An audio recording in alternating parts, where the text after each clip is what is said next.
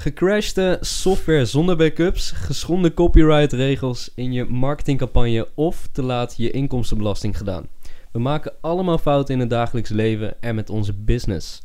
Soms achtervolgen ze ons nog lang, maar meestal zijn ze leerzaam en achteraf leuk om op terug te kijken. Succesvolle Fouten. De podcast van Jocon. Waar fouten worden beloond. Tof dat je luistert naar de Jocon podcast. En vandaag zijn we hier met Ruben. Ruben, welkom eh, ja, in de Jocon eh, podcast studio. Ja, bedankt voor de uitnodiging in eerste instantie. En eh, ja, heel fijn dat ik hier mag zijn. Yes, heel graag gedaan. En sowieso zitten we hier ook met Stijn en Job. En uiteraard ik, de spreker, Mika. Uiteraard Mika natuurlijk ook. Jazeker, zijn we hier ook gewoon We weer aanwezig. Dus we zijn hier lekker met z'n vier in de, in de podcast studio van Jocom. En eh, ja, zoals gezegd, Ruben dus vandaag aanwezig. Ehm, ja, Ruben, ik denk dat het het eh, beste is als jij gewoon even kort vertelt. Wie ben je, wat doe je en eh, ja, waar hou je je zo mee bezig in het dagelijks leven? Ja, ik ben Ruben, eigenlijk een ondernemer vanaf mijn 16e al. Maar destijds eigenlijk heel erg ja, gefocust op de kleine dingen. Dus minder op de grote dingen. En daar ga ik straks wel meer wat dieper op in. Maar ik run nu een reparatiebedrijf in Terborg. Eh, waar ik voornamelijk eh, ja, telefoons en tablets repareer. Maar eigenlijk ook alles daaromheen eh, doe eh, en verschaf. Dus eh, denk dan aan abonnementen, refurbished telefoons, refurbished iPads en dergelijke. Ehm, en dat doe ik dus ook voor de zakelijke kant. Ehm, ja, en dat is eigenlijk een beetje waar ik me nu mee bezig hou. Ehm, en ik heb nu echt een nieuwe, net een nieuwe ontwikkeling bedacht. En dat is een ledenpas waar ik me nu echt op ga richten. Maar dat is eigenlijk ja, waar ik me de komende tijd mee bezig ga houden, laat ik het zo zeggen. Ja. Ja. Oké, nice man. Super tof eh, om dat te horen inderdaad. En eh, ja, nou, TechState is natuurlijk jouw bedrijf. Yes. Maar ehm, ja, hoe ben je zo op dat idee gekomen om TechState te starten? Ja, het begon ja, eigenlijk al wel vrij vroeg toen ik op school zat. Eh, en toen dacht ik van ja, ik kan wel gaan werken bij een eh, supermarkt, vakken gaan vullen en dergelijke. Maar dat ja, heb ik ook wel een tijdje gedaan, maar dat was niet echt mijn ding. Eh, dus ik dacht ja, ik wil eigenlijk mijn eigen uren in gaan plannen. En toen ben ik destijds uh, ja, s'avonds in de avonduren eigenlijk telefoons gaan repareren. In eerste instantie voor mijn gezin en toen voor vrienden en familie. En dat is langzamerhand uitgebreid. Ehm, ja, en toen heette ik nog IP-reparatie, was echt meer gericht op de telefonie en, eh, of eigenlijk meer op iPhones gericht eigenlijk. Ehm, en destijds heb ik dan de keuze gemaakt, eh, toen ik ook echt een fysieke winkel eh, ging huren, om de naam te gaan veranderen naar TechState. Ook omdat het gewoon wat algemener een naam is, zodat ik er uiteindelijk meer kan, ja, onder kan indelen, zeg maar. Ehm, maar dat is eigenlijk, het idee erachter is eigenlijk gewoon dus inderdaad mijn eigen uren inplannen. En eh, dat vond ik wel heel erg fijn. En dat vind ik nu nog steeds heel fijn, want ik begin eigenlijk s- eh, smiddags pas om 12 uur. maar ik ga wel tot 9 uur door. Dat, eh, dat compenseert dat wel. Maar ja, het is wel gewoon super relaxed om, om je eigen uren in te plannen. En om gewoon je eigen ding te doen, zeg maar. Ja, ik, ik, ik denk dat jullie allemaal wel weten waar ik het over heb. Want jullie hebben allemaal Ja. een eigen, eigen business. Ja. Maar ja, gewoon je eigen ding doen. Je eigen ideeën achterna gaan. En ja, dat is voor mij gewoon, eh, ja, vind ik gewoon heel fijn. Maar eigenlijk, hoe, oud ben je precies? 23. Ja, dat is best wel super gaaf. hè. We zijn allemaal rond de 20, 23. Ja. En als je dat al, want ik ben al vaker bij jou geweest. Ja. Als je ziet hoe, hoe iets je al zoiets op, opgebouwd is, echt wel echt super knap. Ja, ja ik weet nog wel dat eh, toen jullie voor de eerste keer kwamen, toen was het eigenlijk net begonnen, of toen begon ik net in de fysieke winkel, zeg maar. Ja. En toen eh, was ik eigenlijk gewoon een soort van, ja, ik was gewoon een start-up eigenlijk. En nu een jaar verder kun je eigenlijk wel zien dat het gewoon heel erg is uitgebreid. Dat had ik helemaal niet verwacht dat het in, zo, in een jaar tijd eigenlijk wel zo groot, of zo eh, verder is uitgebreid, zeg maar, dan hoe het eerst was. Ja. Maar dat, eh, ja... dat is super mooi, ja, toch? Ja, Ja, want, want eigenlijk doe je dus eh, beeldschermen repareren, alles. maar wat nog meer? Ja, je kunt het zo gek niet bedenken. Je, er zitten gemiddeld iets van 20 onderdelen in de telefoon. En dat is eigenlijk, ja, elk onderdeel repareer ik wel. Ja. Ja. Dus en voor elk merk, elk model, maakt allemaal niet uit. Ja. Maar, maar je zei ook van, hey, ik ben hier, het is begonnen op mijn studie, op mijn opleiding. Maar kun je hier een, kun je een opleiding voor, of heb je een opleiding voor gevolgd voor reparateur? Ik heb geen opleiding hiervoor gevolgd. Ik heb het eigenlijk eh, vanaf YouTube geleerd. En eh, eigenlijk gewoon eh, ook ja, qua ervaring gewoon opgebouwd door het allemaal zelf te gaan testen. En, Maar hoe, de- hoe deed je dat dan? Gooide je dan gewoon je telefoon tegen de muur en dat ging je weer repareren? nee, nee, nee. Mika, ik weet dat jij zo agressief bent. En dat jij altijd je Ja, telefoons ik- tegen muren, muren Ik denk wel dat hij het van de FIFA-playtjes moest hebben. Ja, want, ja, ja. eh, Nou, ik hoop dat heel veel mensen het zo aanpakken, want dan heb ik natuurlijk meer werk. Maar ehm, Nee, ik heb destijds gewoon eh, een aantal telefoons opgekocht en eh, daarop getest, zeg maar. Ja. Dus eh, ja. Vet. Ja. En, en eigenlijk, want je hebt dus eigenlijk meerdere facetten. Je hebt dus één facet is ehm, zorgen dat, dat de telefoons van de klant gerepareerd worden. Maar je hebt dus ook dat je telefoons opkoopt. Deze dus refurbished, zoals het mooi eh heet. Dus Ja. weer in jouw winkel neerzet. En dat dus weer online probeert te verkopen. ja, nou, online is nu nog niet het geval. Eh. Ik doe het eigenlijk nu voornamelijk nog offline. Maar online wordt zeker nog wel, eh daar krijgt zeker nog wel een staartje, zeg maar. Ja. Ehm, maar dat is inderdaad wel, wel zo. Reparaties, voornamelijk ja, de, de actieve kant, zeg maar, dat, daar ruil je gewoon tijd in voor geld. Mhm. Ehm, en daar heb ik destijds eigenlijk mijn main focus op gelegd. Dus dat deed ik eigenlijk alleen maar. Ehm, en toen ben ik dus ook overgegaan naar refurbished, omdat het gewoon wat schaalbaarder is. Ehm, en nu doe ik dat eigenlijk ook gewoon voor zakelijke klanten in grotere Ja. getalen. Dus dat is dan eh, ja, ook financieel gezien eh, natuurlijk interessanter. Mhm. Maar eh, dat is eigenlijk wel eh, ja, samenvattend wat ik eigenlijk doe. Ja. Ja, Ja, gaaf. heel vet man. Tof. Ja, een heel mooi, eh, ja, heel mooi bedrijf, denk ik. Ik ben een keer bij jou geweest natuurlijk, met, eh, met bestuur. Ja. Maar ja, ik ben er nu dan niet meer geweest. Dus misschien goed om daar binnenkort weer een keer te komen. ja, je bent welkom. Ja, als je, zeker, Als je een zeker. screen protector of iets eigenlijk afneemt. eh, Ja, ja, ja, ja. Nee, dat kom ik zeker doen. Ik ben wel vrij zuinig op mijn spullen, dus aan mij word je niet heel rijk, denk ik. ja. Maar ehm, ja, zeker, ik kom een keer langs. Maar in, inderdaad ook wat je zegt, hè, van, het verbaasde mij ook. En dan nu vooral ook met de online wereld erbij. Hoe hard je als start-up zeg maar, kunt groeien nu het internet er is. Maar ook als je de juiste doelgroep hebt. En eh, hoe heb jij dat zo ervaren? Want ja, je, je moest ergens beginnen. Ja. Heb je eerst doelgroep research gedaan? Wat, wat, hoe ben je precies daar gekomen? Nou, daar kom ik straks nog wel wat uitgebreider op terug, want dat is ook iets waar ik ehm, heel veel van heb geleerd, zeg maar. Maar ehm, ik heb eerst eigenlijk eh, gewoon met losse vlotters geschoten, zeg maar, heel lang. Mhm, En ehm, niet echt gericht ehm, geadverteerd of iets dergelijks. Ja, daarna heb ik dat wel gedaan, maar daar ben ik niet meer begonnen. Eh, en toen merkte ik ook wel dat het niet, eh, niet goed werkte. Maar Mhm. ehm, ja, ik heb eigenlijk... Ik, ik heb het eigenlijk voornamelijk van mond-op-mond reclame. Dus gewoon dat mensen bij mij langskomen en dan denken van... Oh, ik word hier fijn behandeld. Ik heb eh, goede service gekregen. En via die weg wordt het dan doorverteld, verteld, zeg maar. Dus qua marketingstrategie heb ik eigenlijk mond-op-mond reclame eh, het meeste ingezet, zeg maar. En ook mezelf dan zo goed mogelijk eh, in beeld brengen eh, bij de klant. Zodat ze ja, een blijvende herinnering hebben. En uiteindelijk dus mensen doorverwijzen naar mij. Mhm. Ehm, ja, en op, op online niveau heb ik ook wel verschillende advertenties gedraaid. Alleen dat is pas sinds dat ik in die fysieke winkel ben, zeg maar, dat ik dat doe. Ehm, maar dat is eigenlijk, ja, heb ik wel verschillende doelgroepen gesegmenteerd. Dus gewoon op leeftijd gesegmenteerd. Ehm, en daarop advertenties gerund. Dus Mhm. eh, heel specifiek op, eh, ik zeg maar, wat jongere mensen. ehm, een wat, wat, wat frissere tekst, zeg maar. En eh, op seniorenniveau, eh, ja, toch wat anders, anders eh, ingedeeld, zeg maar.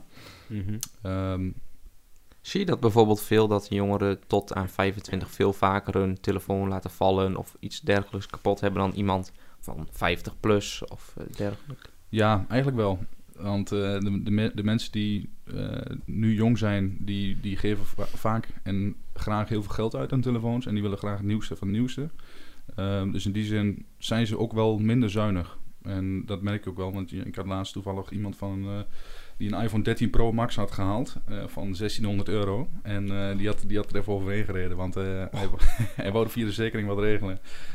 heeft hij uiteindelijk niet geregeld gekregen via de verzekering, maar hij heeft wel, een kapotte telefoon met eh, 700 euro schade. Dus eh, Even, teru- even eh, terugkomen op die verzekeringen. Is het eigenlijk, want je kunt je telefoon verzekeren dus voor schade. Dus Ja. dat je je scherm en zo'n bast en zo en alles in krijgt. Ja. Maar gaat de verzekering eigenlijk ook kijken van of jij wel een hoesje eromheen hebt en of je je telefoon wel goed beschermt? nee. Want ik kan me wel voorstellen dat de verzekering natuurlijk niet een telefoon gaat verzekeren als je dat ding gewoon zonder hoesje in je broekzak eh, doet. Of dat je er heel laks mee omgaat. Ja, dat is hetzelfde een beetje met autoverzekeringen bijvoorbeeld. Ja. Ja. ja, je gaat wel als verzekering beetje risico-avers eh kijken van ja, wat, wat, wat kan er gebeuren en hoe kun je dat eh, ehm, ja, toch voorkomen, zeg maar. Dus door bijvoorbeeld een hoesje te dragen of een screen protector. Maar het is niet zo dat verzekeringen daar echt eh, op letten. Het is eigenlijk zo dat zodra iemand bij mij binnenkomt en ze moeten meer dan 200 euro betalen, vraag ik eigenlijk altijd heb je wat kunnen regelen met de verzekering? Ehm, en dan maak ik een offerte op. En die offerte is eigenlijk al wel genoeg voor de verzekering om uiteindelijk een bedrag uit te keren. En als je zo'n verzekering afsluit, hè, even brainstormend eh, iets. Is het dan zo dat jij van die verzekering een gratis hoesje erbij krijgt? Nee. Nee, Misschien, misschien zou het wel iets kunnen zijn dat je dus zou een samenwerking zoekt met verzekeringen. Ja. Dat je zegt, goh, wij kunnen echt een grote aantallen eh, hoesjes eh, aanleveren of screen protectors. Want ik was bij jou geweest, ja, ja. ik weet niet of ik het mag zeggen, maar je hebt een heel mooi apparaat eh, die precies alle hoesjes screen protectors kan uitprinten op maat. Dus het maakt in principe niet uit welke telefoon je hebt. Mhm. Maar als jij aan verzekeringsmaatschappijen gewoon een, een partij kan aanleveren voor screen protectors, waardoor zij het risico verlagen doordat eh, klanten van die verzekeringsmaatschappijen dus eh een telefoon eh gepaste. Dat is wellicht een interessant iets, ja. Ja, zeker weten. Ja, ja en ik, maar ik denk dat... ehm, ja, dat is op zich wel interessant. Ook iets, of dat is ook interessant om daar gewoon over na te denken. Maar Ja. ja, Maar misschien iets voor later. ja, toch? ja, ja, inderdaad. Ja. Dus Ruben, dankjewel in ieder geval voor jouw introductie tot zover. Maar, nou, zoals je weet, ondernemen brengt veel eh hoofd bij zich mee af en toe. Ja, Maar wat zijn nou al problemen waarvan jij achteraf denkt... hé, hey, daar heb ik wel echt wakker van gelegen... maar daar heb ik echt superveel van geleerd. Ja, het is niet één probleem op zich. Het zijn meerdere problemen. Ja, noem ze gerust. Maar ehm, ja, over het algemeen, en het is niet, ja, het is meer een persoonlijk probleem, zeg maar. Het is niet, heeft niet echt te maken met externe bedrijven of zo, of, Mhm. of inkomstenbelasting, wat je net noemde op het begin. Ehm, maar het was meer dat ik niet echt een focus had, zeg maar. Dus ehm, die focus voor mij, die, die, die was gewoon, ja, ik was met heel veel dingen bezig. Ik was aan het dropshippen, ik was eh bol.com aan het Mhm. proberen. Ja. Je kent het wel, eh, SMMA en eh, ik was van alles aan het doen. Ja, Ja. precies. Ik was echt die shiny objects aan het chasen, zeg maar. En, ehm, maar daar, daar heb ik uiteindelijk dus ja, echt wel in een bepaald dal gezeten... waar ik dacht van, ja, wat, wat, wat moet ik nou eigenlijk doen... en waar ben ik eigenlijk mee bezig, zeg maar. Mhm. Ehm, en toen ja, toch de- het inzicht kreeg van, ja, die focus... dat is wel een, ehm, ja, eigenlijk de key... Ehm, maar ja, je kunt niet ergens op focussen als je niet weet wat je precies wilt. Dus daar ben ik uiteindelijk achter gekomen wat ik precies wilde. En daar heb ik me nu dus eh, op gefocust. Maar ja, uiteindelijk heb ik wel heel veel tijd verloren. Maar ik heb al heel veel daarvan geleerd uiteindelijk. Omdat je gewoon, ehm, ja, je gaat op zoek naar oplossingen. Als je toch niet weet wat je wilt eh, en, en niet helemaal zeker bent van je zaak, zeg maar. Ehm, dus ik heb toen destijds heel veel eh, verschillende podcasts geluisterd over ja, hoe, hoe eh, je life purpose vinden en dergelijke, zulke, zulke onderwerpen. Ja, mooi. En ja, daar heb ik uiteindelijk wel heel veel aan gehad, zeg maar. En welke podcast was dat dan? Als, eh, Ehm, ja, ik heb heel veel verschillende podcasts geluisterd. maar, Maar de nummer 1 die eruit sprong, de nummer 1 die eruit sprong, die, ben nog- die ik nog steeds luister eigenlijk, is Ja. eh, actualized.org. Oké. Dus eh, dat is, ja, dat is een, een man die, die over heel veel verschillende onderwerpen praat, maar eigenlijk voornamelijk over de persoonlijke aspecten van het Mhm. ondernemen, maar ook gewoon ja, op persoonlijk vlak eh, allerlei Internationaal dan. internationaal en Engelse podcast. Ja, ja. ja, dat is wel echt een interessante podcast trouwens. Ieder- die raad ik wel aan. Ja, ja. heb, he- heb jij ook een reden kunnen vinden waardoor je je focus niet kon, eh, kon eh, behouden als ware? Ja, nou, ik, ik Hoe kan, denk- hoe kan dat, laat maar zeggen? Ja, ik, ik ken het zo goed. maar- Ja, ik denk dat Mika het net wel goed samenvatte van je, je bent gewoon die shiny objects een beetje aan het eh, chasen, zeg maar. En ik denk dat dan voornamelijk ehm, de drijfveer geld was. ja. Dus ja en, ik, en ik denk dat social media daar een heel grote rol bij speelt. absoluut. Ik bedoel, eh, iedere guru zegt tegenwoordig... Hey, wil je online geld verdienen? ja, Wil jij deze Lamborghini die gehuurd is Ja. ook kunnen rijden? Ja. Ja. ja, dan moet je gaan dropshippen. Of dan moet je SMMA gaan doen. Of dan moet je een bol.com business gaan starten. Ja. Ja, en dan, ja, dan is de, de pure intentie is niet... Oh, ik wil ondernemen. Nee, dan is de pure intentie... Ik wil geld verdienen. precies. En ik denk dat je door dus die podcast te hebben geluisterd en terug te gaan naar de kern, zeg maar. Ehm, een leuk feitje, ik reed net hier naartoe naar kantoor en daar eh, luisterde ik een podcast en die zei van ja, in, in principe moet alles wat jij doet, moet vanuit je hart komen. Iedereen zegt altijd ja, mindset dit, mindset dat, maar in principe is de hart is hetgene bepaalt welke weg je op gaat.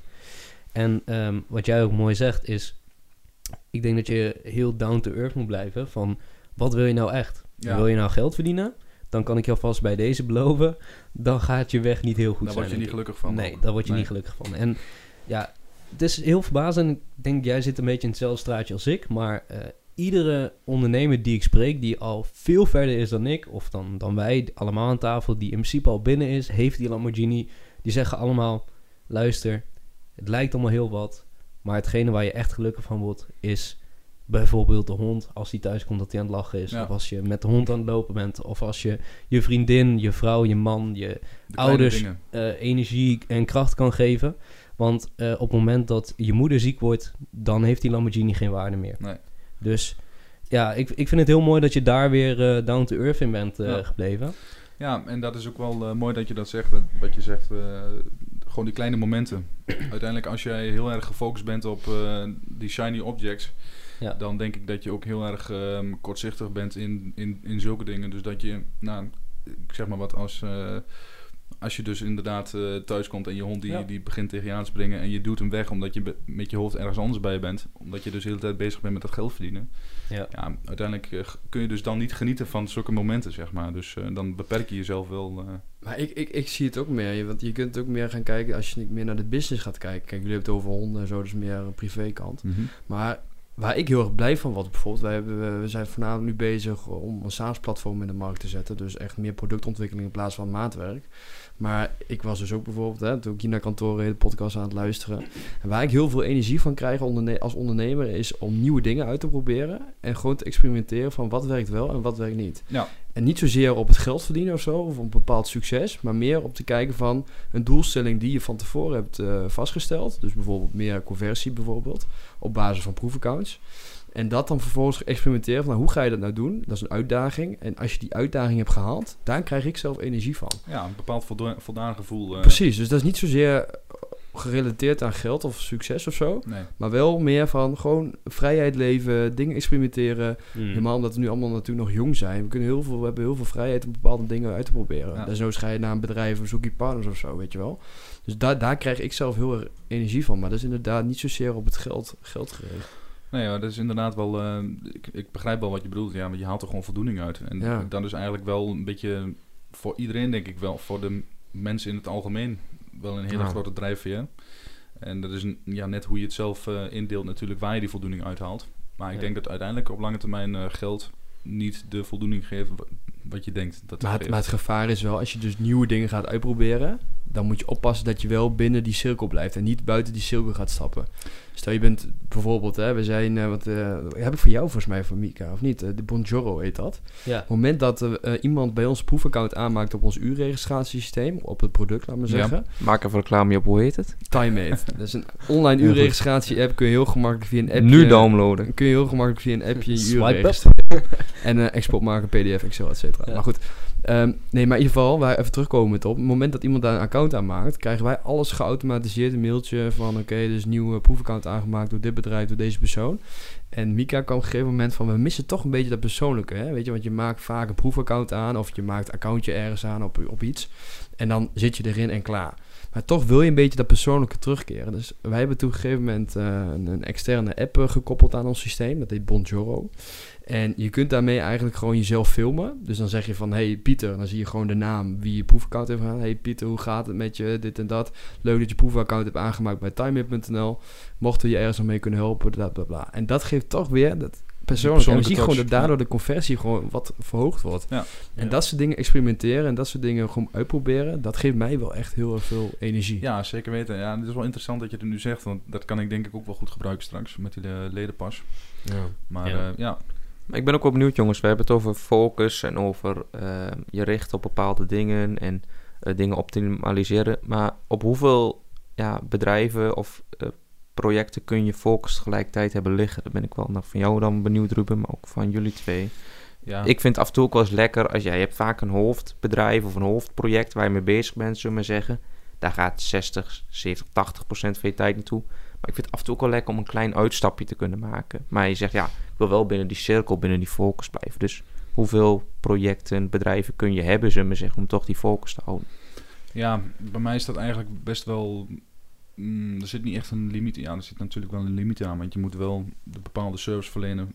En dat kost gewoon tijd. Ehm, maar over het algemeen heb ik dat eh, met zakelijke klanten bijvoorbeeld. Kijk, dan hebben we het over eh, terugkomende klanten. Maar die heb ik vrijwel bijna geautomatiseerd in de zin van ehm, een persoonlijk dashboard hebben ze eigenlijk. Waarin ze hun eh, werknemers eh, kunnen registreren. En, en dat eh, hun mobiel of hun tablet of hun computer of hun ja, andere apparaten, die worden aangekoppeld aan, aan elke medewerker, zeg maar. En ik heb eigenlijk precies een lijst van wat iedereen heeft en wat er allemaal in dat bedrijf zit, zeg maar, aan apparatuur. Ehm, en ja, ik kan heel gericht weten van oké, wat moet ik op voorraad hebben, wat niet. Eh, en daarnaast kan een bedrijf eigenlijk heel makkelijk dus reparatie inplannen. Dus om gewoon elke keer een medewerker aan te klikken en dan die, gaat, die komt vandaag langs bijvoorbeeld. Dus over het algemeen is voor mij de... mm, Ja, het is voor mij niet echt een, ja, zo'n uitstapje bijvoorbeeld waar je het over hebt. Dat is bij mij niet echt van toepassing. Ehm, maar het is, ja... Nou, Ik kan wel een goed voorbeeld noemen. Ik vind bijvoorbeeld, we hebben ehm, ehm, Bas Smit ook wel eens bij Jocon mogen interviewen een stukje. Nou, Ja. ik heb het idee dat hij 20 bedrijven heeft. Dat, eh, als ik volg hem op LinkedIn, ik vind hem heel interessant. Maar ik, wat, dit- dat, dat lijkt me bijvoorbeeld... Dat, dat lijkt me wel lastig om die focus te hebben. Of hij is bij heel veel eh, projecten betrokken, zullen we maar zeggen. Ontzettend knap, maar ja, ik ben wel eens benieuwd. Ik denk dat... voor- Misschien zit dat bij mijzelf, denk ik, op drie of vier dingen dat ik denk, daar kan ik tegelijkertijd mee bezig Ja. zijn. En dat binnen hetzelfde bedrijf of binnen, binnen twee bedrijven. Dat je denkt, hey, ga dat eens proberen. En dat wat jij het over had, het proberen van eh, uitstapjes maken en eh, zoiets proberen. Ja, je moet wel zorgen dat het eh, binnen een bepaalde cirkel blijft. Ik ben nu ook al heel erg bezig van. Het is best lastig hoor. Je moet er echt goed over nadenken. Hoe ga je je focus behouden? En dat is niet dat je dat binnen een dag even Nee. gerealiseerd hebt. Maar ik wil gewoon straks over eh, twee jaar gewoon een tiental producten op de markt hebben gezet. En dat klinkt heel veel. En dan denk je van, joh, hè, verlies je dan niet je focus. Maar zodra je alles maar intern eh, wel gefocust houdt. Dus op het moment dat iemand van een andere app of een andere platform, een SaaS-platform, iemand naar de helpdesk belt. Dat gaat allemaal naar dezelfde helpdesk bijvoorbeeld. Dus alles is wel gecentraliseerd. Dus Ja, de helpdesk, de support, alles, alles is gecentraliseerd. Dan behoud je toch alsnog je focus. En je kunt Maar jij wil het vanuit één bedrijf bouwen, zeg maar. Dat is ook wel Precies. net anders. zijn geen, het zijn Ja, één en hetzelfde team. Het is wel één en hetzelfde team wat aan die tien ehm, andere bedrijven, apps, En nog even, Stijn, terugkomend op eh, dat verhaal van Bas Smit. Ik had Bas Smit daarna nog even een berichtje gestuurd van... Hè, dat ging ook over... eh, mijn vraag was, hoe houd je je focus binnen al je bedrijven? Mhm. Ik heb zelf twee bedrijven en ik merk dat ik nu al mijn focus kwijtraak. Goed job. Daar antwoordde hij op... door goed na te denken waar je niet goed in bent... zodat je iemand erbij trekt die dat wel kan. Dat, dat doe ik met alles. Dan mijn aandelen delen. En dat is op zich eigenlijk best wel een mooi Ja, antwoord. ja, zeker weten. De sp- specialiteit die je zelf niet hebt, gewoon uit laten besteden. Precies, Ja, ja. precies, precies, precies. Ja, en even terugkomen. Oh, nee. Ja, nee. Ah, even terugkomend op, je, op nog, Stijn. Kijk, wat je net aangaf met die projecten. ehm, bij mij is dat niet echt van toepassing, want ik heb juist eh, niet echt grote projecten, zeg maar. Het zijn elke keer kleine, of kleine, laten we zeggen maximaal 20 toestellen per periode, zeg maar, van een Mhm. bedrijf. Eh, dus het is niet echt dat ik me met een bepaald project bezighoud. Nee. Aan de ene kant, ja, ik heb wel bepaalde projecten zoals de website, zeg maar, waar ik nu aan het bouwen ben. Maar dat, is, eh, ja, dat zijn een beetje de, de, de main project, projects, zeg maar. En eh, ja, Nou, misschien is bij jou dan meer het, het, het, het- de dienst. Dat je zegt, hé, hey, ik heb die dienst en daar doe ik zoveel volume voor. Ja. En dan als ik die dienst al zoveel volume van mijn tijd doe... dan kan ik niet nog vijf diensten ernaast doen, omdat dat gewoon niet past. Ja, nou dan, dan is inderdaad reparatie eh, de dienst die de grootste tijd eh, inneemt, zeg maar. Dus dat is het minste schaalbaar. Oké, oké. Eh, nou, ik, jongens, ik, ik, ik heb natuurlijk weer, net als de vorige keer, echt uren, uren, uren, dagen gezocht op het wereldwijde web voor, ehm, voor externe fout. Want nou, wij zijn allemaal MKB'ers, zullen we maar zeggen. Relatief, relatief klein, middelgroot, eh, zullen we zeggen. En wij maken fouten, maar nou, de, de fouten die eh, om ons heen worden gemaakt door anderen zijn af en toe ook wel eh, heel bijzonder. En ehm, daarom wil ik de, deze erin gooien. Een, een Brit, als ik het goed zeg. En ik moet zijn naam volgens mij... Ik hoop dat ik het goed uitspreek. James Howells, als ik het goed zeg. Die, ehm, dat is wel leuk voor Ruben, omdat ik weet dat je ook een beetje in de crypto zit. Die Yes. ehm, had in 2009 eh, via zijn eigen laptopje een aantal bitcoins gemined. Als ik het goed... Bitminen is dat, hè? Ja, die bitcoins bitcoins gemined. 7.500. En ehm, nou, dat apparaat eh, draaide en draaide uren en uren, dagen en dagen bij hem thuis. Totdat zijn vriendin eh, eigenlijk daar gek van werd, van dat geluid. Toen, eh, toen is hij daarmee gestopt in 2013, net daarvoor volgens mij. En toen heeft hij het allemaal op een harde schijf gezet. En tijdens een groot... Het gaat om 7.500 bitcoins, had hij gemined. En eh, dat had hij op een harde schijf gezet. Alleen die harde schijf is hij tijdens een... ehm, grote opruiming kwijtgeraakt, Zo. zullen we maar zeggen. Ja, En Dan op dat moment, in, ja, in 2013, 100 euro per, eh, per bitcoin. Ehm, dus dat was op dat moment 750.000 euro was dat waard. Nou, dat is al een bizarre klap, zullen we zeggen. Maar hij kwam er eigenlijk pas, hij dacht in 2017, dacht hij eigenlijk terug... hey, ik had volgens mij nog 7.500 bitcoins ergens staan. Laat ik die eens eh, proberen te zoeken. Ja, op dat moment waren die bitcoins eh, ja, vele, vele miljoenen waard. Eh, Zo. Ja, dan bouw je wel. ah, echt... Ja, dat is geen succesvolle fout. Nee, maar dat- ja, nee, ik, nee is, ja, hij heeft er denk ik heel veel van geleerd. En tot zover aan toe dat hij dacht, ah, ik moet dat echt terugkrijgen. Die tientallen miljoenen moet ik hebben. Heeft hij een heel plan gemaakt om allerlei, volgens mij meerdere ehm vuilnisbelden bij hem in de buurt helemaal totaal op te graven. En dan degene die eh, het vond of hem kon helpen, zal dan waarschijnlijk een deel krijgen. Of hij wilde ervoor betalen, maar hij was... eh, compleet radeloos. En eh, ja, dat kan ik wel snappen als je een fout van 75 miljoen euro maakt. Ja. Of in bitcoins dan En uitbetaald. op dit moment nog veel meer. Ja. Ja, dus dat, dat zijn onze fouten, zullen we maar zeggen, relatief. Dus ik vind dat ontzettend leuk om dat soort dingen te lezen. Dus dat wou ik... dat was mijn eh, inbreng van de externe fout, eh, Ja, fout mooi. deze, deze week. Succes met zoeken de volgende keer hè? Ik, eh, ik ben bang dat in 2017, eh, 2017 dat dat niet meer boven water gaat komen. Ja, en, en een wijze les voor hem natuurlijk. De volgende keer zijn vriendin uit huis zetten en die harde schijf gewoon lekker laten draaien. Want dan was het waarschijnlijk nog meer waard geweest. Had die vriendin ook een hele dikke alimentatie gehad. Ja. eh. Uiteindelijk nee. wel. Hey Ruben, ehm, welke fout hoop jij nooit meer te maken? Wat is een fout waarvan je achteraf denkt, Jezus, die hoop ik nooit meer te kunnen maken? Of nooit, of die je nog niet gemaakt hebt. En dat je denkt, oh, die hoop ik echt ook nooit te maken. Want dat lijkt me vreselijk. Ja, dat is een goeie. ja, ik heb ehm, over het algemeen, wat ik net ook al zei, toen ik eh, met, met, die eerste, met die eerste fout, zeg maar, dat ik mijn focus niet echt had. ehm, toen was het ook meer eh, het. Toen was het ook meer dat ik de, ja, maar eigenlijk mezelf een beetje een werknemer zag in mijn bedrijf, zeg maar. Ehm, en dat ik me ja, eigenlijk gewoon in het bedrijf had. eh, ik zat in het be- bedrijf en ik keek niet echt van buitenaf naar mijn bedrijf, zeg maar. Ehm, en dat doe ik nu dus wel. En ik denk dat, nou, ik hoop eigenlijk dat ik die fout, dus dat, dat ik daar nooit meer in kom, zeg maar. Dat ik me nooit, nooit meer daardoor, ehm, ja, daardoor de in laat zuigen in- mijn bedrijf, zodat ik op, een gegeven moment een werknemer ben. eh, wat ik nu eigenlijk nog wel ben, maar dat ik niet eh, dat gevoel heb, zeg maar. Want als je uiteindelijk dat gevoel hebt, dan heb je niet echt meer de visie om te groeien, zeg maar. Ehm, en ik denk ook niet dat die fouten gaan terugkomen. Want ik heb uiteindelijk dat inzicht wel gehad dat je, ja, in, in, in mijn persoonlijke eh, ervaring heb ik het idee dat als je jezelf vanaf een derde persoon bekijkt, dus een beetje die lucid dream-achtig, eh, lucid dream-achtig idee, maar dat je veel meer eh, een overzicht kunt creëren voor jezelf en bepaalde, een bepaalde visie kunt creëren voor jezelf en uiteindelijk daardoor eh, dus juist bepaalde stappen kunt, eh, eh, kunt maken voor jezelf, zeg maar.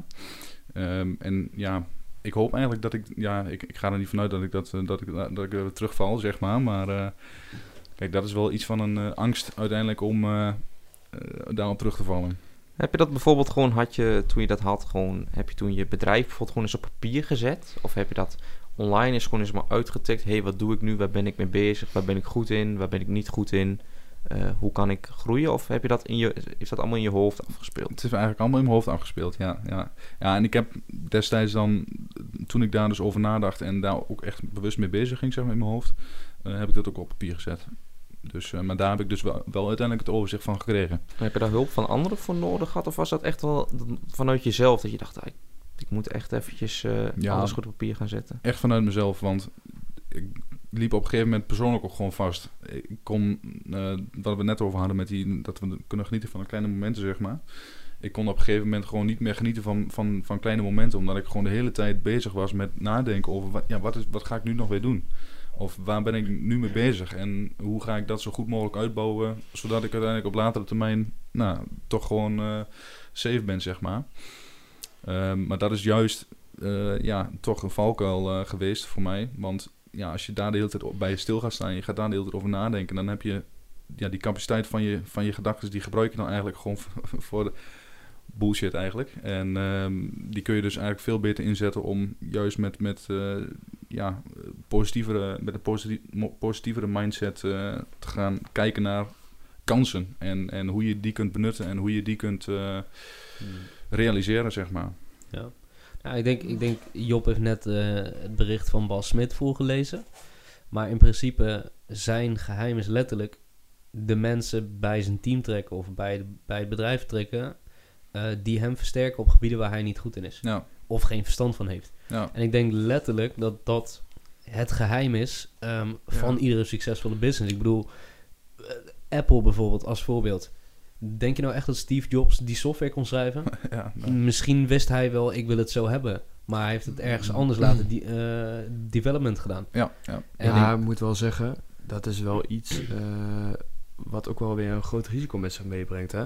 Want als jij net begint, dan heb je nog helemaal geen budget om het samen of uit te besteden. Nee, oké, maar daarom is het het allerbelangrijkste. eh, dat is ook weer zoiets. Eh, mensen zeggen altijd, ja, ik wil ondernemer worden, maar ik wil geen sales doen. Ja, dan moet je geen ondernemer worden. Want ondernemen is gewoon sales. Want als je sales maakt, kun je dingen uitbesteden. Kun je, kun je dus groter worden. Ja. Dat is letterlijk het ondernemerschap. Iets groter maken. En eh, om terug te komen op de vraag die Stijn net stelde. Met hoeveel projecten denk je dat je bezig kunt zijn? Is denk ik voor iedere persoon verschillend. Ehm, en ik denk ook van als jij eh, de juiste mensen in je team op de juiste plek hebt staan...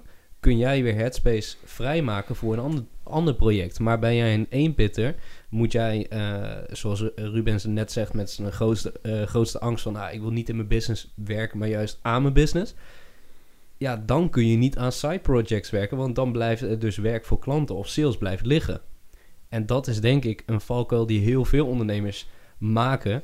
Eh, leuk feitje van salespassie. Ehm, ik, ik, geloof 47% van alle ondernemers die zich in het eerste jaar inschrijven bij de KVK... is ook na het eerste jaar weer uitgeschreven. Omdat ze gewoon puur in die visieuze cirkel blijven zitten. En na drie jaar of, eh, eh, zit nog 97% van alle ondernemers die zich hebben ingeschreven bij het KVK... eh, in de start-up fase. Letterlijk. Ja. Zo. na Ja. drie jaar.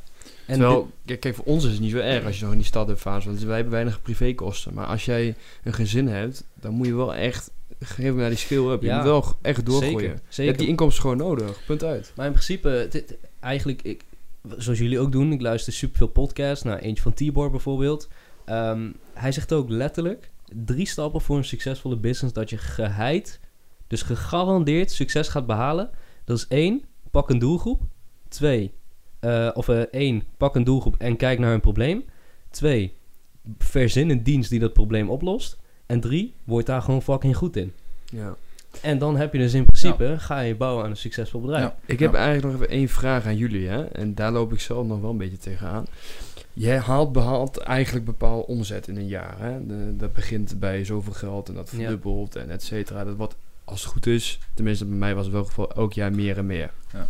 Alleen, ehm, op een gegeven moment wordt het zoveel dat je eigenlijk je... ehm, Je zoekt een Giro-nummer waar je het naar kan overmaken. Nou, Nee, dat, dat, dat wil ik niet zeggen. Nee, dat wil ik niet zeggen. Maar je, je wordt op een gegeven moment wel steeds meer. En eh, je wil je eh, doelstelling ook steeds verder leggen. Dus je wil elk jaar, tenminste bij mij wel, elke keer meer en meer en meer en meer omzet behalen. Ja, maar je En- verlegt gewoon je doelen. Ja, maar hoe, hoe gaan jullie daarmee om? Want ik, ik, ik zou echt, echt kloten vinden als ik bijvoorbeeld dit jaar weer minder omzet behaal dan vorig jaar. Dan denk ik van, wat doe ik nou verkeerd? Wat heb ik verkeerd gedaan? Hoe, hoe gaan jullie daarmee om? Dat heeft zou- ook een stukje met focus te maken, denk ik. Nou, ik kan er wel op zich wel vanuit mijn, eh, wat ik heb meegemaakt. Wij hadden op een gegeven moment, ons eerste jaar was vrij goed. Ja. Eh, we waren begonnen en toen hebben we in het tweede jaar voor gekozen om te, eh, minder winst te gaan draaien. Om, ehm, bijvoorbeeld- ja, winst of omzet. Nee, winst. In winst. Want de omzet verhoogde wel. Alleen ehm, wij kozen er destijds voor om eerst eh, bijvoorbeeld eh, de vaste kosten eh, op te draaien, zullen we maar zeggen. Die eerst op niveau te krijgen en daarna onszelf te belonen. Ja. Dus ik denk op zich, als je je omzet moet eigenlijk altijd wel groeien. Dat is denk ik wel gezond. Of je moet halveren qua personeel. En je zegt, kan ik gewoon, draai ik iets minder omzet, maar is mijn winst effectiever. Hm. Maar je zult met, bijvoorbeeld met winsten, als je zegt, hé, hey, mijn winst, ik wil wel minder winsten gaan draaien dit jaar bijvoorbeeld, omdat ik het in investeren wil eh, intern. Bijvoorbeeld, ik wil eh, een groter kantoor gaan krijgen. Dat betekent dat ik dusdanig meer kwijt ben. Dan ga ik iets minder winst draaien, maar het levert mijn werknemers bijvo- bijvoorbeeld een fijnere situatie op. Ik wil ehm, mijn softwarepakketten gaan upgraden. Dat wordt drie keer zo duur, maar dan kan ik wel betere kwaliteit gaan leveren. Dat betekent dat ik iets minder winsten relatief ga draaien. Dus het is, ja, ik denk, als, Sowieso. als, ik denk als er altijd maar een plan achter zit. Als je het eigenlijk een jaar, dit jaar dus stel en zo, dit jaar minder omzet draaien en meer winst, dan betekent dus dat je minder in je bedrijf hebt geïnvesteerd, waardoor je bedrijf dus minder... Nee, niet Eh. altijd, maar ik denk dat je... ehm, als er een idee achter zit, je idee kan zijn... Een idee kan denk ik niet altijd zijn minder omzet, maar je kunt wel het idee hebben van... hey, ik wil... eh, eh, als ik, ik ga bedenken, hey, ik ga meer investeren in kosten... die ik eerst omhoog krijg nadat ik eh, mezelf ga belonen bijvoorbeeld... dan kunnen je winsten minder zijn. Maar Ja. dan is daar, zit daar wel een plan achter en dan weet je wel precies wat je doet. Ja, Ik denk, zolang je weet wat je doet en dat je dat uitschrijft, dan heb je er nog niet altijd 100% controle op. Want je kunt uitgeschreven hebben, hey, ik ga veel meer vaste kosten eh, maken. Dat kan betekenen dat ik minder winst eh, heb. Maar ja, als je omzet dan wel bijvoorbeeld verdubbelt, kan het alsnog zijn dat je meer winst draait in een jaar. Ja, maar ik denk dat je wel gelijk hebt dat je zegt van er moet wel gewoon een plan achter zitten. Ja. Alleen in eh, het geval van als er bijvoorbeeld geen plan achter zit en je omzet die is minder dan het jaar ervoor. eh, ik denk dat je dat gewoon met open armen ook moet, moet pakken, zeg maar. Want daar kun je ook gewoon weer heel veel van leren. Daar kun je ook Ja, gewoon weer op reflecteren en uiteindelijk gewoon ook kijken van ja, waar ligt dat nou aan? Ehm, en daar kun je dus weer nieuwe doelstellingen dat is vooral belangrijk, het reflecteren. Ja, Ja. absoluut. Want je kunt er toch niks aan veranderen. Nee, dat is ook zo. Zeker dat. Maar ja, ik denk dat je je dan ook eh, niet goed, niet, eh, of je tijd in eh, ja, te veel niet belangrijke taken hebt gestopt. Want anders dan had je het wel gered. Ja, focus. En eh, ik bedoel meer zo van, kijk, ehm, dat Ja. is ook altijd, hoe, kijk wat Stijn zegt, maak een plan. In principe begint mijn plan altijd, hoe kan ik een pijplijn aanleggen, dus zodat ik altijd voldoende gesprekken heb eh, met mensen. Ja. Dus met potentiële klanten. Dus de- dat betekent dus eigenlijk, eh, ik zeg altijd, eh, als iemand mij dit vraagt, van hoe krijg je nou een consistente omzet? Nou, in principe, als jij weet, mijn closing rate is 20%. Dus van de 10 mensen die ik aan tafel heb, kan ik er twee naar mijn dienst pitchen of closen. Gewoon echt dat, dat ze de factuur betalen. Ja. Nou, dan bereken je dus in principe, oké, 10 mensen, die heb ik nodig om twee sales te maken. Nou, zet er dan eens een keer een 0 achter. Dus je hebt 100 mensen, je hebt 20 mensen op gesprek. En, nou, en dan ga je kijken van, oké, hoeveel van die 20 mensen kan ik dan gaan closen? Maar het begint altijd bij de basis. Zorg dat je je pijplijn vol genoeg hebt. Ja, Als je die pijplijn vol hebt zitten, dan gaat jouw ja, omzet elk jaar... Want als je je pijplijn gewoon steeds voller hebt elk jaar... dan gaat je omzet ge- gegarandeerd omhoog. Ja. En eh, lukt dat niet door meer mensen te closen... nou, dan ga je kijken of je je huidige klanten kunt upsellen. Ja, Of, er zijn- of gewoon je uurtarief verhogen. Ja, en, en wederom vanochtend ook in de auto. ehm, wat is makkelijker? 10 klanten closen van 1000 euro? Of vier klanten, of eh, sorry, eh, of bijvoorbeeld eh eh, vijf klanten van 2000 euro? Ik denk het tweede. dat denk ik ook. Ja, precies. Ja. Dus het, het, het resultaat is hetzelfde, alleen de weg daar naartoe is vele malen makkelijker. Dus altijd kijken naar wat is eh, de, me ja, de, de, de weg die voor jou het prettigst voelt. Want de snelste weg is niet altijd de weg die bij je past. Nee, nee, klopt. Dus eh, ja, ik denk dat. Oké. Maar eh mooi man. Leuke, leuke vragen. Even kijken. Nou, volgens mij waren dat vragen, hè? We zijn er redelijk doorheen, hè? We zijn er redelijk doorheen. Ja, ik ben eventjes benieuwd, want eh, Ruben, wat zijn bijvoorbeeld eh, dingen waar je nu momenteel mee bezig bent? Nou, je hebt al een klein beetje verteld, een ledenpas, et cetera. Ja. Maar ehm, ja, we hebben het telkens gehad hè, straks over focus houden. En, en hè, weer leggen en toch moet je je, je bedrijf, je, je, je winkel open houden, reparaties uitvoeren. Ja, je bent eigenlijk Hoezo- allround eh, medewerker. Ja, precies. Dus hoe zorg jij dat jij nu focus houdt op dat nieuwe project? Ja, ik werk samen met een partner waar ik af en toe dus reparaties aan uitbesteed. eh, en ook andere dingen. Dus eh, laten we zeggen contentcreatie voor de social media eh, kanalen. Ehm, en op die manier probeer ik dus mezelf een beetje vrij te plannen om uiteindelijk dus nou, die focus te krijgen voor de ledenpas Mhm. en, en andere projecten waar ik er al mee bezig ben. Maar ehm, ja, wat ik dus ook merk nu op het moment is dat, nou, ik heb dus die ledenpas als focus nu. Ehm, maar ik heb ook wel meerdere kanten die ik op wil, zeg maar. Mhm. Maar ik heb wel echt het inzicht gekregen van ja, die ledenpas, dat moet nu gewoon gaan staan. Mhm. En dat is dus echt waar ik nu mijn focus op moet leggen. En daar probeer ik nu gewoon zoveel mogelijk voor vrij te plannen. Vet. En ja. wat ik zei, ik begin eigenlijk pas om 12 uur, smiddags elke dag. Mhm. Dus ik heb eigenlijk ja, van 6 tot 12 heb ik eigenlijk gewoon alle tijd. Eh, en dan probeer ik dus ook gewoon echt consistent eh, de- ja, die tijd te vullen, zeg maar. Zo, Mhm. zo praktisch mogelijk. Ja, En eh, ja, ja, vet. Maar, maar, want je zegt ook, ik begin dan om 12 uur, van 6 tot 12. Waarom begin je pas om 12 uur, als ik vraag mag? Ja, ik heb destijds ehm, vanaf 8 uur, Mhm. de openingstijden vanaf 8 uur gehad, tot 9 zelfs. Ja. Maar eh, ik had het idee, of ik, ik ondervond zelf dat het tussen 8 en 12 gewoon heel erg rustig was. En Ja. dat ik dacht van ja, maar ik zit hier en ik doe helemaal niks. Eh, of ik doe wel wat, maar ik bedoel, er komt niemand. Dus ik kan beter gewoon niet in dit hok zitten. En anderen de, gewoon eventueel thuis gaan zitten of eh, ja, tussen 6 en 8, eh, 12 of tussen 8 en 12 gewoon bij klanten op bezoek of weet ik veel wat. Gewoon de, de tijd wat eh, nuttiger gebruiken, zeg maar. Mhm. Dus vandaar dat ik daarvoor heb gekozen. Ja, vet. Nice. Hey, ik, ik ben nog wel even benieuwd naar... Wijk een klein beetje af, maar toch ben ik er benieuwd naar. Ehm, jij zit eigenlijk tot aan je oren in de crypto. Klopt, hè? Eigenlijk wel. Ja, Ja. dus je, je bent echt crypto-fan. En eh, als ik je zo hoor, of, of ik heb een vraag over crypto... Nou, je begint altijd te ratelen. Ik denk, ja, het zal wel. maar super interessant. Ja, ja. Eh, dat sowieso. Maar ik ben benieuwd, want je ziet nu dat steeds meer platformen eh, crypto valuta accepteren op hun platformen als betalingsmethode. Mhm. Is dat iets waar jij op lange termijn ook naartoe wil werken? Dat je zegt met TechState, oké, mensen kunnen in de toekomst met crypto betalen.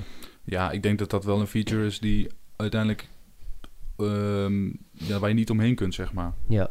Ja. Kijk, eh, je gaf aan, je, je- zei net zelf al, eh, ik ben wel echt een eh, crypto-fanaat. Maar ik denk ook dat het gewoon de toekomst is. Dus ik denk ook Ja. dat we over, ik zeg maar wat, om en nabij 10, 15 jaar, dat het allemaal op de blockchain draait. En ja, dat je Oh, uiteindelijk niet, er niet omheen kunt. eh, Ja. ja. misschien wel eerder, ja, inderdaad. Ja. Maar goed, ruim geschat natuurlijk. Maar ja, uiteindelijk ga ik dat wel, is het wel de bedoeling om dat aan te gaan bieden. Als uiteindelijk iedereen eh, daarmee betaalt. Maar in ieder geval, we, hebben, we weten heel veel van je, Ruben. Dus in ieder geval, dankjewel daarvoor. Ehm, Ja, want, want Ruben, wat is nou voor jou de reden om eh, je aan te sluiten bij Jocon? Of ja, je- of, je bent al reden geweest, ja, denk ja, ik. Ja, ja. reden geweest. Ja, kijk, ehm, dat, dat haakt eigenlijk, of dat, dat vat alles wel mooi samen. Want je bent eigenlijk als ondernemer heel vaak eh, alleen. En heel vaak alleen aan het werk. Ja, het ligt er net aan in welke niche je natuurlijk zit. Maar ehm, ja, dat is eigenlijk wel een beetje de drijfveer geweest van... Ja, je kunt gewoon veel sparren met andere mensen, zeg maar. En je hebt ook gewoon een bepaald clubje waar je ja, dingen mee kunt bespreken. En eh, ja, waar je gewoon uiteindelijk verder mee komt, zeg maar. Dat is eigenlijk een beetje de, de drijfveer geweest dat, dat ik me heb ingeschreven voor Jocon destijds. eh, ja. Ja, dat je eigenlijk een beetje de gelijkgestemde om je heen hebt. Ja. Allemaal jonge ondernemers tussen de 18 en 25 jaar. Ja, ja. Ja, precies. Gaaf man. Nee, ik, eh, ik vind het echt super tof, Ruben. Volgens mij hebben we het nu zo, of niet? Ja ik, ik, ik, ja, ik hoorde, ik doe heel veel inspiratie uit andere podcasts, dus daar wil ik ook gewoon mee afsluiten. Ehm, Ruben, eh, wat voor soort boek ben je momenteel aan het lezen? Eh, dan moet ik even nadenken. Want Ik heb wel verschillende boeken in mijn kast staan waar ik nu mee bezig ben. Maar het is nu, eh, even kijken. Ja, Thinking Fast and Slow van Daniel Kaal, Kaalman, volgens mij. Oké. Maar dat Nederlander? is een heel interessant boek. Nee, dat is een Amerikaan. Oh, oké, Ja. Amerikaan, oké. Maar zeker de moeite waard om eh, te Waar lezen. gaat het over? Even heel kort. Ja, het gaat over ehm, de, je, ja, eigenlijk je brein, dat die draait op twee systemen. Systeem 1 meer op eh, emotie eh, gericht en systeem 2 is eigenlijk meer gericht op de uitkomst van systeem 1. Dus systeem 2 neemt eigenlijk alles klakkeloos over van systeem 1, eh, of systeem 2 neemt eigenlijk alles klakkeloos over van systeem 1. En systeem 1 is eigenlijk je onderbewustzijn. Ja. Dus eh, ja, dat, daar gaat het hele boek over. En er wordt eigenlijk gewoon heel erg eh, uitgebreid over, over eh, geschreven. En dat is gewoon heel interessant om... eh, want je hebt er eigenlijk altijd aan, wat aan. Iedereen heeft een onbewust en een bewust brein. En Mhm. eh, ja, hoe beter je je daarin verdiept... en hoe, beter, hoe meer kennis je daarvan krijgt... hoe meer inzichten je en hoe sneller je verbanden kunt leggen uiteindelijk ook. eh. en dat is uiteindelijk denk ik wel eh, de key. Zeker, man. Zeker. Ja, en boeken, ja, daar staan altijd bewezen strategieën in. En Ja, maar lees jij nu nog boeken? Of, eh, Ja, sowieso. en welke... Maar ja, ik, vind, ik zeg je wel eerlijk, ehm, boeken, ik weet dat het nodig is. En Storytel, uh, Tangled, wat een, wat, een uitvinding. Maar ehm, ja, ik, ik gun mezelf nog niet echt de rust om te gaan zitten en daar een boek te gaan lezen. Nee. Want ik denk van, oh ja, ik moet outreach doen. Ik moet Ja. die ads runnen. Ik moet dit doen. Ik moet dat doen. En ja, dus ik heb nog niet echt die rust. Maar ja, ik, de hele plank staat wel vol. Ja. Nou, van de twintig boeken die er staan, heb ik er drie gelezen. Ja, ja. Maar ja, hè, de bibliotheek staat er alvast. Maar eh, een boek die ik, ehm, die ik heb gelezen en waarvan ik echt denk, oké, daar begon mijn ondernemersjourney.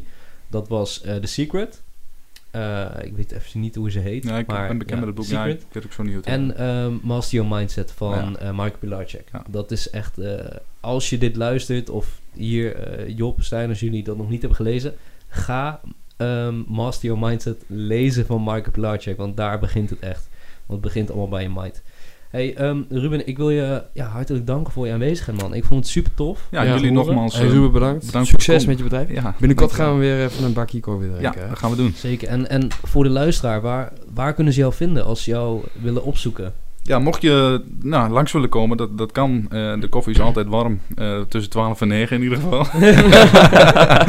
Eh, maar dat is aan de Silvoltseweg nummer 67 in Terborg. Yes, nice. Dus als je FIFA speelt, Call of Duty, je bent weer gekilld, je hebt weer een goal tegen, je hebt je telefoon tegen de muur gegooid en je denkt, shit man, ik moet weer een andere telefoon, ik moet een ander schermpje hebben. Ga dan lekker naar techstate.nl, Yes. eh, ga lekker naar Terborg en dan eh, gaat Ruben fixen dat jij eh, dezelfde dag nog thuis staat met een eh, andere telefoon of een ander weten. schermpje. Zeker weten. Hey Ruben, nogmaals hartelijk dank. Ehm, Jullie als bedankt jij, voor de uitnodiging. Graag Zeker. Als jij als luisteraar nou zoiets een keer hebt van... hé, hey, ik wil een keer sparren over bedrijfsideeën... of ja, het weerleggen van struikelpunten binnen je onderneming... eh, of informele, een jonge onderne- omgeving zo, hebben waar je mee kunt sparren... waarvan je denkt van ja, hey, dat is gewoon een om- omgeving... dat voelt als vrienden, daar, daar kan ik gewoon mijn probleem in kwijt... Kom dan gewoon een keer vrijblijvend langs bij een event van Yokon. Want daar is gewoon gegarandeerd gezelligheid, ehm, een avond vol inspiratie en uiteraard kameraadschap. En eh, als je daar nou eens meer over wil weten, ga dan gewoon lekker naar de socials van Jokon of kijk op jokon.nl voor al het laatste nieuws en uiteraard de aankomende events. Ehm, ja, al- jij als luisteraar, ik wil je danken voor, eh, voor het luisteren naar deze podcast. Job en Stijn en eh, uiteraard Ruben, dank voor jullie aanwezigheid bij deze Graag podcast. gedaan, graag Ehm, mijn naam is Mika, dankjewel voor het luisteren en eh, tot in de volgende. Het is trouwens wel Jokom met een C, hè? Dus eh jonge Job, je moet gewoon je houden. Bedankt man. Oh, mooi man.